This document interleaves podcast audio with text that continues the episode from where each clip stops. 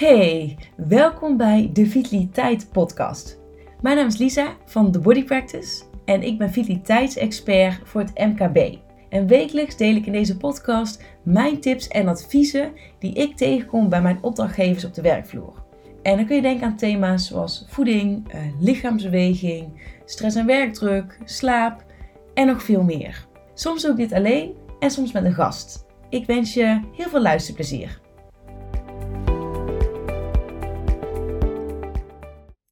Welke associatie heb jij met stress? Stress wordt heel vaak gezien als iets negatiefs, terwijl dat in de basis helemaal niet het geval is. Sterker nog, wij hebben ons leven te danken aan stress. Dat is best wel een sterke uitspraak, hè? Maar laat me dit uitleggen. Als wij niet in staat zouden zijn om een eh, stressreactie te krijgen in het lichaam, dan zouden wij ook niet uh, potentieel bedreigende situaties goed kunnen inschatten en daar adequaat op kunnen inspelen. En als wij dit dus niet zouden kunnen met ons lichaam, dan waren wij lang, lang, heel lang geleden al uitgestorven. Dus stress is zeker niet altijd negatief.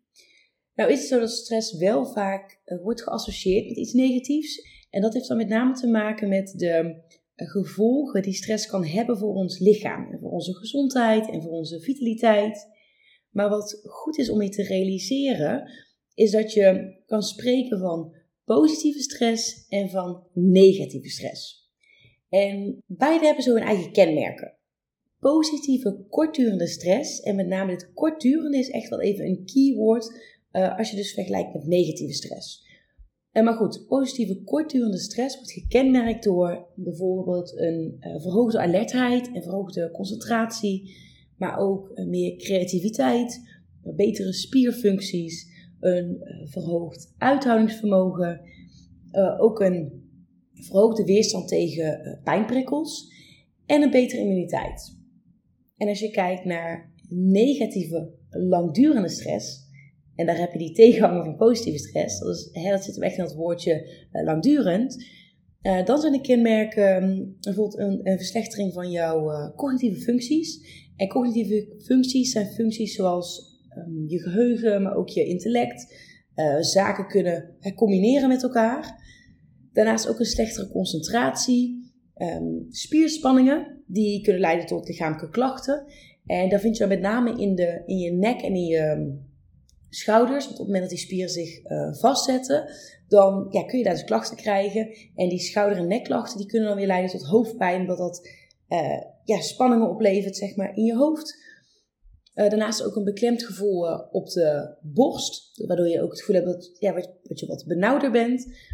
overmatig vermoeidheid, wat vaak het gevolg is van dat je ook slechter slaapt door stress. onder andere is niet volledig de nette oorzaak. Uh, en tot slot ook een verslechterde uh, weerstand en immuniteit. En dan vraag je misschien af, waar ontstaat dan het probleem? Wanneer kun je spreken dus van positieve stress en wanneer van uh, negatieve stress? Nou, wat, je goed, wat goed is om je daarbij te realiseren, is dat ons lichaam is continu met ons aan het communiceren. Eigenlijk om ons te laten weten waar het behoefte aan heeft en ook wat het nodig heeft. Nou, een heel simpel voorbeeld is bijvoorbeeld je knorrende maag. Uh, je knorrende maag laat weten: hey, het is weer tijd om iets te eten of iets te drinken. Uh, want een knorrende maag wil niet altijd per se honger betekenen, maar kan ook uh, dorst zijn. Maar bijvoorbeeld ook als jij s'avonds ehm, op de bank zit en je gaat gapen, is dat ook een, een teken van ons lichaam van hey, het is tijd om lekker te gaan slapen. Nou, stress is ook een van die manieren van ons lichaam om met ons te communiceren. En wat dan vaak gebeurt, is dat stress eigenlijk laat zien: hey, wij bevinden ons in een um, bedreigende situatie.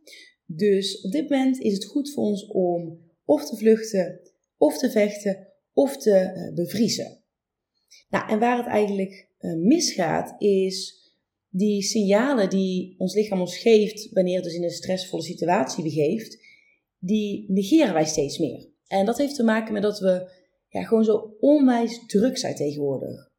Want hoe vaak hoor jij uh, het antwoord, ja, druk, druk, druk. Als uh, iemand wordt gevraagd van, hè, hoe gaat het met je? Dus het lijkt wel een beetje de norm te zijn om altijd maar uh, druk te zijn. En ja, we zijn met z'n allen gewoon razend druk. We hollen, vliegen, rennen maar door.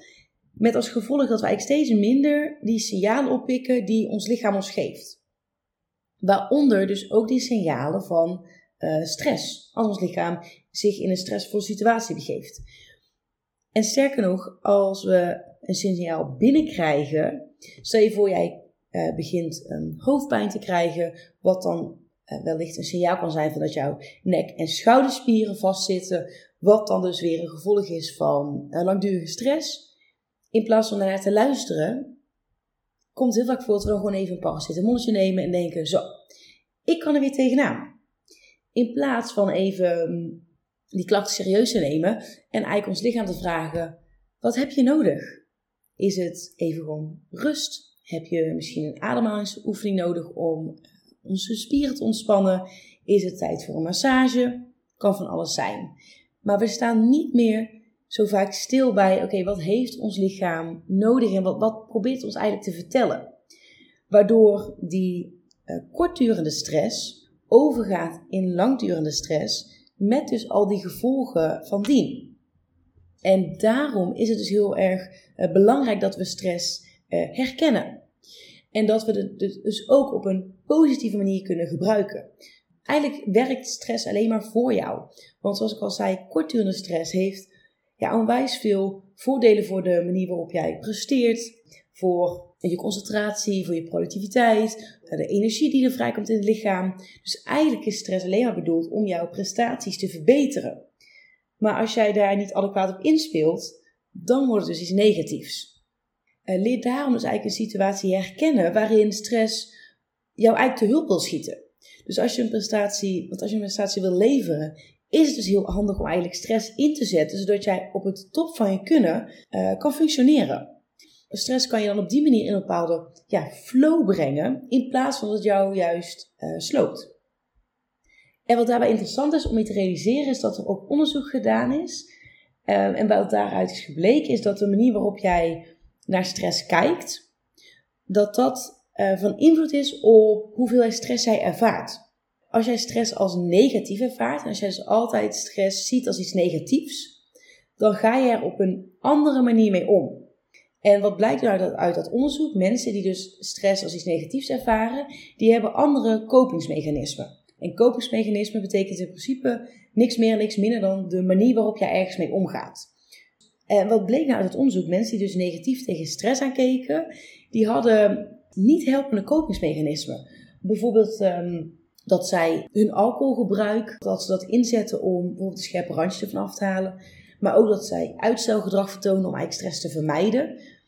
En op die manier hadden die eigenlijk die kopingsmechanismen, die dus eigenlijk niet helpend zijn, een veel grotere impact op hun vitaliteit en gezondheid. Wat eigenlijk dus allemaal begint bij de manier waarop jij naar stress kijkt.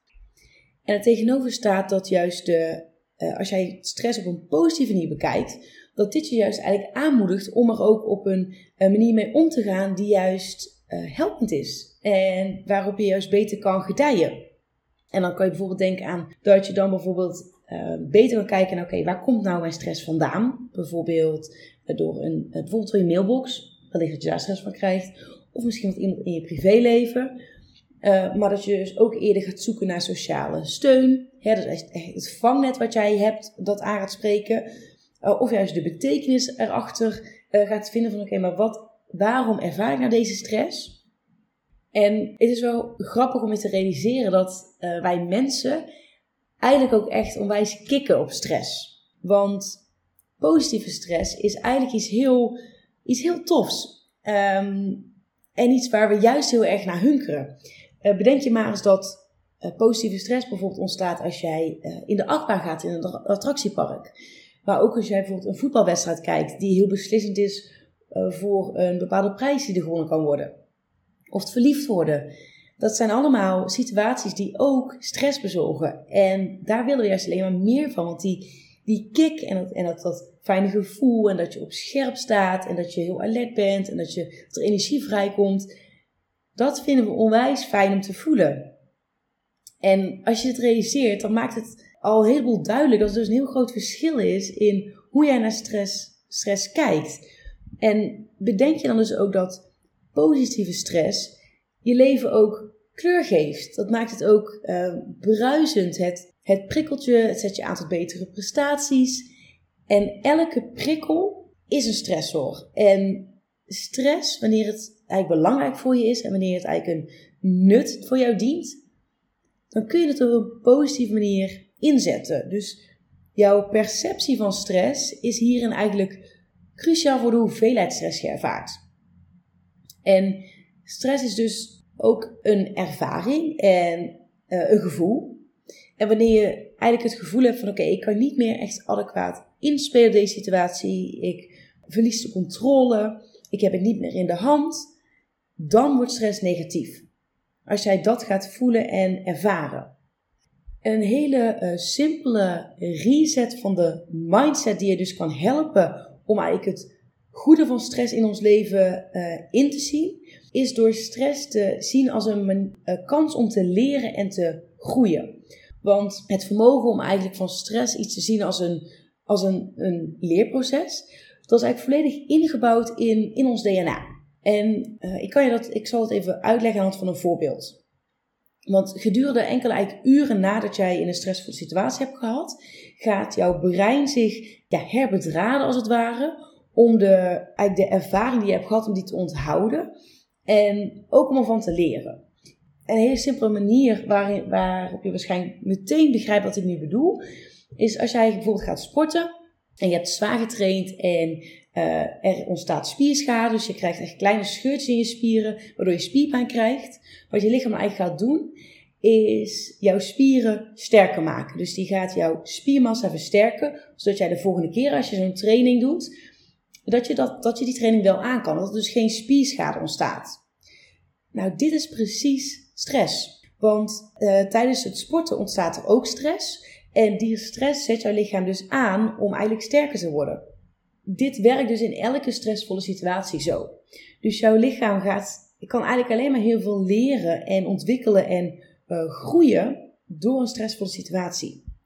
En stress laat, ja, laat als het ware een, een afdruk, achter in jouw uh, hersenen, uh, die je eigenlijk weer voorbereidt om de volgende keer met een soortgelijke situatie ja, beter om te gaan als je die dus weer tegenkomt. En psychologen die hebben hier ook een bepaalde term voor. Die noemen eigenlijk dit proces van, van leren en groeien vanuit een, een moeilijke, stressvolle situatie uh, stress-inenting. En wat ze daarmee eigenlijk bedoelen is dat door die stressvolle ervaring je hersenen en je lichaam als het ware een stressvaccin krijgen. Omdat je dan daarna dus eigenlijk beter met de stressvolle situatie kan omgaan op het moment dat je daar weer in terecht komt. Realiseer dus dat stress zeker niet altijd de vijand is. En dat de manier waarop jij naar stress kijkt, of verder wel of niet als iets negatiefs ervaart, dus heel erg bepalend is voor enerzijds hoeveel, hoeveel stress je ervaart, maar ook hoe je daar dus mee omgaat. En zoals je ziet is, ja, ons lichaam is zo'n mooie, ingenieuze ja, machine eigenlijk, die continu aan aan het leren is, aan het ontwikkelen. En die eigenlijk in dienst staat van ons gewoon een heel ja, onvergetelijk en mooi leven eh, te bieden. Dus zorg ook dat je ja, goed voor jezelf, voor je lichaam zorgt. En wat daarbij belangrijk is, is check regelmatig gewoon bij jezelf in. Sta wat vaker stil. Uh, luister, ervaar, ja, voel wat jouw lichaam uh, nodig heeft, maar ook wat het jou duidelijk probeert te maken. Zodat je kan voorkomen dat bepaalde stresssignalen zo lang doorgaan dat het uiteindelijk iets negatiefs wordt en uiteindelijk negatieve gevolgen heeft voor je gezondheid. Want dat, dat is dus niet nodig.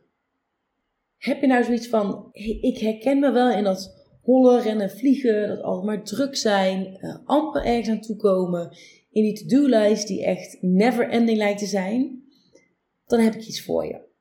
En dat is de online training Even op adem komen. En dit zijn drie masterclasses die maximaal één uur duren bij elkaar.